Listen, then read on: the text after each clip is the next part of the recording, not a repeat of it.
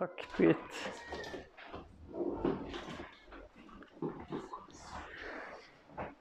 Var Jesus kristen? Nei, han var jo ikke det. Jesus var jøde. Det er viktig å huske det. For den jødiske historien, den jødiske kulturen, ikke minst den jødiske bibelen, det vi kaller for Det gamle testamentet, det gir en viktig klangbunn, en kontekst til alt det Jesus sier og gjør. Jeg husker En av mine lærere i bibelfag han sa det sånn her, at du kan tenke på Jesus sine ord som strengene på en gitar, mens Det gamle testamentet er som en gitarkasse som forsterker lyden, som gir rikere klang. Så ja, du kan høre bare det Jesus sier, men hvis du har Gamle testamentet med deg, så blir det rikere og større. Så vi må alltid prøve det når vi leser Bibelen våre. Å lese det Jesus sier og gjør ut fra den sammenhengen han står i. Og det her blir faktisk veldig tydelig i bergprekenen som vi leser for tida. Hele talen starter med at Jesus går opp i et fjell, setter seg ned sammen med disiplene og begynner å lære dem. Et fjell. Hvorfor akkurat et fjell? Kunne han ikke like gjerne tatt dem med ut i en båt? Han gjør jo det noen andre ganger. Jeg tror ikke det. Ikke til denne talen. For det Jesus gjør her, når han går opp i fjellet for å undervise disiplene, det er en referanse til noe som skjedde ca. 1200 år tidligere. Da det kom torden og brak ned på et fjell. Dette er et av de viktigste øyeblikkene i israelittenes historie. På dette fjellet så fikk Moses Guds lov de ti bud og mye mer. Og så kom han ned fra fjellet og underviste folket. Så når Jesus gjør det her, går opp i et fjell for å undervise, så etterligner han Moses. Eller var det kanskje motsatt? At Moses en gang langt tilbake i historien ga en forsmak på Jesus, hva han skulle være og gjøre. Moses sa sjøl, 5. Mosebok, at en profet som meg vil Herren din Gud la stå fram hos deg, en av dine landsmenn. Han skal dere høre på. Og Nå sitter altså Jesus der som en profet på et fjell og underviser, og folk hører virkelig på. Og Det er nesten som Jesus sier det er meg Moses snakker om. Det er meg dere har venta på. Moses gikk opp i fjellet for å hente ned Guds lov og Guds bud for israelsfolket. Og nå sitter det altså en gjeng med israelitter og lurer på hva, hva, er det Jesus har for oss nå? Hva er det han skal undervise? Kommer det en ny lov nå? Er det ti nye bud? Er det en helt ny start? Så hørte vi Britt lese for oss i stad, og jeg leser det en gang til. Tro ikke at jeg er kommet for å oppheve loven eller profetene. Jeg er ikke kommet for å oppheve, men for å oppfylle. Sannelig, jeg sier dere, før himmel og jord forgår, skal ikke den minste bokstav eller en eneste prikk i loven forgå før alt er skjedd. Den som opphever et av disse minste budene og lærer menneskene å gjøre det, skal kalles som den minste himmelriket. Men den som holder de, og lærer andre å gjøre det samme, skal regnes som stor i himmelriket. Ja, jeg sier dere, Dersom ikke deres rettferdighet langt overgår de skriftlærdes og fariseernes, kommer dere aldri inn i himmelriket. Når vi hører dette, altså aller mest det at, at nei, Gammeltestamentet er ikke oppheva, da kan vi i vår kulturkontekst bli litt sånn stressa. Ja, skal vi holde alle de lovene der? Men jeg tror at jødene, israelittene som var der, da de hørte Jesus si det her, så kjente de på en lettelse. Åh, han kaster ikke alt på skogen. Isra Hei! Fordi israelittene var jo stolte over loven sin. De hadde årlige feiringer av loven sin, sånn som vi har for Grunnloven på 17. mai. Loven var tegnet på folkets frihet. Det var pakten, eller avtalen, mellom Gud og israelsfolket. Hvordan de skulle leve sammen etter at de var frelst, etter at de var satt fri fra slaveriet i Egypt. Så loven det var ikke bare en, en byrde, noe som begrensa. Nei, loven opplevde de som livgivende. Det uttrykte Guds gode vilje for dem. Loven var med på å gjøre Israel til Israel. Det gjorde de til noe annerledes. De skulle være et lys i verden. Det var temaet sist søndag. Et lys ved at de levde annerledes. Viste de andre folkene rundt hvem Gud var. Viste Guds godhet og herlighet gjennom måten de levde på. Og jo da, loven kunne absolutt være vanskelig å følge. Det er klart. Altså, Rett før israelsfolket gikk inn i det lovede landet, ca. 1200 år før Jesus holder denne talen, så sier Gud dette her til Moses. Dette folket kommer til å drive hor med fremmede guder i det landet de er kommet inn i. De kommer til å forlate meg og bryte den pakten jeg har slutta med dem. Og så forklarer Gud videre til Moses at hvis folket ikke følger, følger pakten, ikke følger avtalen, loven, så vil han komme til å måtte straffe dem. Han vil sende dem bort fra landet sitt, bort i eksil. Og det var akkurat det som skjedde. Historien om Israel videre den er, den er full av oppturer og nedturer. Perioder der de fulgte loven og ting gikk bra for dem, og perioder der de brøyt loven, tilba andre guder, utnytta de fattige og ting gikk på trynet. Og til slutt så havna de altså i eksil i et fremmed land i Babylon. Etter hvert så kom de tilbake, Gud frelste de igjen. Men fortsatt så var de ikke helt fri. De var under utenlandsk styre. Folket som Moses en gang førte ut av fangenskap, levde fortsatt i en slags husarrest. Det var persere og makedonere, egyptere, syrere og til slutt romere, som vi kjenner fra evangeliene, som, som hadde en sånn klam hånd over dem, og de lengta etter å bli satt fri. Og så kommer altså Jesus seilende inn som en ny profet, en ny Moses, kanskje en ny frigjører. Og så sier han jeg er ikke kommet for å oppheve loven eller profetene, men for å oppfylle. Det blir en litt lengre undervisning i dag til huskirka være, men litt kortere enn vi pleier å ha på gudstjeneste i kirka. bare så dere er klar over det. Så heng med. Jeg skal prøve å forklare litt. fordi hvis vi skal prøve å skjønne hva Jesus mener med at han ikke skal oppheve loven eller profetene, men oppfylle, så, så må vi finne ut hva den setninga betyr. Hva betyr loven og profetene? Teologen Jonathan Pennington, som er blitt fryktelig glad i det siste, han forklarer at når Jesus sier loven, da snakker han ikke bare om på en måte reglene og budene, men om hele Toraen, altså Mosebøkene. De fem første bøkene i Bibelen din. Og når du leser de, så ser du at ja, noe der er lover og forskrifter, men mye av det er også fortelling. Det er historien om hvordan Gud skaper verden og menneskene, hvordan menneskene svikter han, vender han ryggen, hvordan Gud velger ut et folk, Israel, setter det fri, inviterer det til å leve i denne pakten vi snakka om i stad, denne samarbeidsrelasjonen som, som han ville bruke til å velsigne verden. Så det er loven. Det er hele historien. Men hva er profetene, da? Når Jesus snakker om loven og profetene, så er profetene de hellige skriftene som fortolka lovene og forskriftene for israelsfolket når de var på nye steder i nye tider, f.eks. da de var i eksil. Så om en jøde snakker om loven og profetene, sånn som Jesus gjorde her, så mener han ikke bare profeter, sånn som vi tenker på det, Jesaja, Jeremia, Esekiel. Nei, en jøde ville da snakke om alle de andre skriftene i det vi kaller Det gamle testamentet. Alt resten, salmene, eh, dommerne, hva enn det er, er en viderefortelling og viderefortolkning av det som skjer i de fem første bøkene. Så det Jesus står her og sier, er rett og slett at han vil oppfylle hele den hebraiske eller jødiske bibelen det vi kaller Det gamle testamentet. Det er en ganske heftig ting å si når du står midt i Israels folke som lever for denne her historien og lever i denne historien.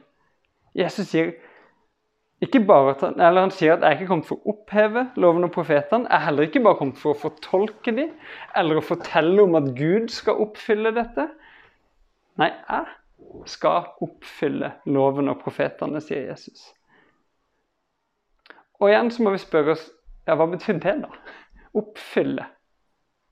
Det er et gresk ord som eh, jeg har skjønt etter hvert er ganske vanskelig å oversette. Noen teologer mener at det mest handler om Jesus sin undervisning om loven. Han fortsetter jo bergprekenen med seks eksempler fra den gammeltestamentlige loven, Toraen. Han sier dere har hørt det er sagt, men jeg sier dere så forklarer han og utdyper. Og dette er viktig. Det skal vi se nærmere på i et par måneder nå. En søndag for hvert av de seks eksemplene. Så det er en måte han oppfyller, altså fyller opp loven. Fyller ut. Men andre teologer er mer opptatt av at Jesus fullfører Israels historie. Han bringer Guds frelse og Guds rike til jorda. Og det kan du også se i den nærmeste konteksten til det du leser, altså i i Matteusevangeliet. For allerede før du kommer til bergpreken Bergpreken er kapittel 5-7. Altså i kapittel 1, 2, 3 og 4 så finner du syv eksempler på hvordan Jesus oppfyller loven og profetene. Hør her. I kapittel 1, da jomfru Maria får vite at hun skal bli mor til verdens frelser, så står det at dette skjedde for at dette ordet til profeten Jesaja skulle bli oppfylt. Se, Jomfruen skal bli med barn og føde en sønn, og de skal gi ham navnet Immanuel. Det betyr Gud med oss. Så Det gamle testamentet handler om, om Guds relasjon til menneskene. Og her så får vi høre at Jesu fødsel det bringer Gud nær. Nå er Gud med oss og hos oss. Og det blir oppfylt. Kapittel 2, der eh, det viser seg at Jesus skal bli født i Betlehem, så står det at dette skal oppfylle disse ordene til profeten Mika. Du Betlehem, i Judaland er slett, slett ikke den ringeste av fyrstene i Juda. For fra der skal det komme en fyrste som skal være hyrde for mitt folk Israel. Så her hintes det om at Jesus ikke bare er profet som kommer med et budskap fra Gud, han er også konge og Messias, hyrde og fyrste. Videre, fortsatt kapittel 2, står det at foreldrene til Jesus må flykte med han til Egypt. og Da peker Matteus på at Hosea har skrevet dette. Fra Egypt kalte jeg min sønn. Og her er det, altså I Hosea så handler min sønn om hele Israel. Gud kaller Israel for sin sønn. Og når Matteus da henter det fram, så er det akkurat som han sier at Jesus representerer hele Israel og lever på vegne av dere. Altså dere, husk det var jøder, israelitter, som satt og hørte på det her. Fortsatt kapittel to. I den forferdelige historien der kong Herodes dreper alle guttebarn i Betlehem for å prøve å ta livet av Jesus, så hadde dette også klangbunn i en lignende smerte som hadde vært tidligere i Israels historie. Matteus siterer profeten Jeremia, som sier I Rama høres skrik, gråt og høylytt klage. Rakel gråter over barna sine og vil ikke la seg trøste, for de er ikke mer. Og vi ser at Gud ved Jesus identifiserer seg med folkets smerte, alt det vonde de har opplevd. Kapittel 3. Vi fortsetter. Der kommer det en merkelig liten greie der Matteus tolker det at Jesus har flytta til Nasaret som en oppfyllelse av noe som står i Dommernes bok om krigeren Samson. Jeg vet ikke om dere kjenner til han.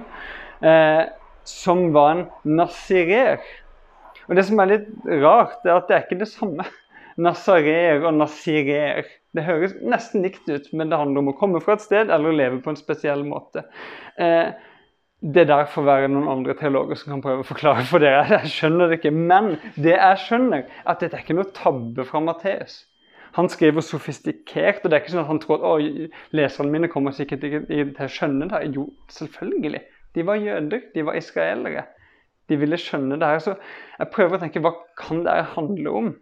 Og jeg tenker kanskje prøver Matteus å vise oss at sånn som Samson var en kriger som kjempa for folket, så er Jesus her og kjemper for oss nå. Videre, kapittel 3. Når Jesus kommer til døperen Johannes og vil bli døpt i Jordan, så begynner først Johannes med nektende. Og da sier Jesus nei, la dette skje. Dette må vi gjøre for å igjen oppfylle all rettferdighet. Igjen så ser vi her at Jesus representerer hele israelsfolket. Han går gjennom vannet i dåpen, sånn som israelsfolket hadde gått gjennom Sivsjøen da Gud frelste de og befridde de ut fra Egypt. Og sånn som folket gikk gjennom Jordanelva på vei inn i det lovede land, det de var frelst til. Etter det så skriver Matteus at Jesus gikk ut i ørkenen for å bli prøvd og frista. Og Det er jo også et bilde på Israel, som gikk 40 år i ørkenen sammen med Moses og ble prøvd før de fikk lov til å gå inn i det lovede land. Men der Moses og israelsfolket svikta i ørkenen, så står Jesus imot fristelsene med festa blikk på Gud. Og Det gjorde at han kunne starte sin gjerning med å helbrede syke, forkynne at himmelriket hadde kommet nær. Og Nå skal dere få siste referanse fra kapittel 4. Dette skjedde i Galilea. Og Matteus skriver i kapittel 4 at slik skulle det ordet oppfylles som er talt gjennom profeten Jesaja. Sebulons land og Naftalis land ved veien til havet, bortenfor Jordan, hedningenes Galilea. Det folket som bor i mørket, har sett et stort lys. Over de som bor i dødsskyggens land, har lyset strålt fram. Nå har jeg bare kasta dere inn i en bibelkommentar. Men poenget er det her. Jesus oppfyller hele historien om Israel. Om det utvalgte folket. Han er profeten som taler Guds lov sånn som Moses. Han er israelsfolket som deler deres smerte og består deres prøve. Han er fyrste for folket, han er hyrde for sauene. Han er den som skal oppfylle all rettferdighet. Han er lyset som stråler i mørket, og han er Gud med oss. Dette er Jesus som vi tilber. Og han taler Guds ord. Han sier, 'Tro ikke at jeg er kommet for å oppheve loven eller profetene.' Jeg er ikke kommet for å oppheve, men for å oppfylle.